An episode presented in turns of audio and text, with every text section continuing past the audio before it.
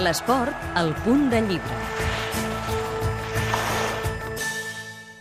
Encadenar gairebé 4.000 metres nedant a mar obert, pedalar durant 180 quilòmetres i córrer els 42 quilòmetres d'una marató no està a l'abast de tothom. Si pel fet d'aconseguir arribar a la línia de meta un ja es pot considerar un heroi, què s'ha de dir d'algú com Marcel Zamora, que ha guanyat 5 vegades l'Ironman de Nissa, el de més prestigi? El triatleta català s'ha decidit a explicar les seves gestes a l'home de ferro a qui vol una vida millor, una publicació que li ha servit per descobrir nous vessants seus que l'han sorprès. No pensar mai que ho faria, sobretot jo perquè no sóc una persona de llegir molt, ni d'escriure molt, ni els estudis no,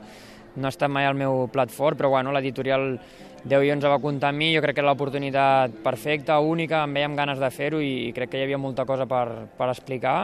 i bueno, ara ja està al carrer i és qüestió de que la gent el disfruti i que, i que la gent doncs, m'expliqui una miqueta què és el que, o sigui, el que li ha transmès al, al llibre.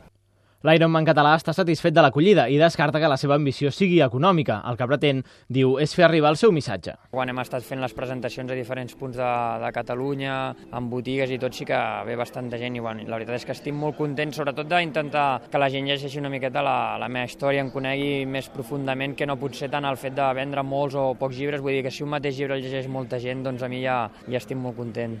Marcel Zamora també revela el perquè del curiós títol del llibre. Que el títol a mi m'encanta perquè és una frase que tinc amb un amic meu i realment també és com una miqueta la meva filosofia de vida, no? intentar viure al màxim cada dia, disfrutar doncs, de qualsevol moment, també doncs, és una miqueta el, el privilegi que he tingut de tindre la sort de, de viure de, de l'esport i del triatló, que és com un somni que jo crec que tot nano jove voldria i que jo he tingut la, la gran sort doncs, d'aconseguir-ho. I és que el triatleta de llarga distància creu que gran part dels aspectes de l'actitud amb què afronta els reptes esportius són extrapolables a la vida quotidiana de tothom.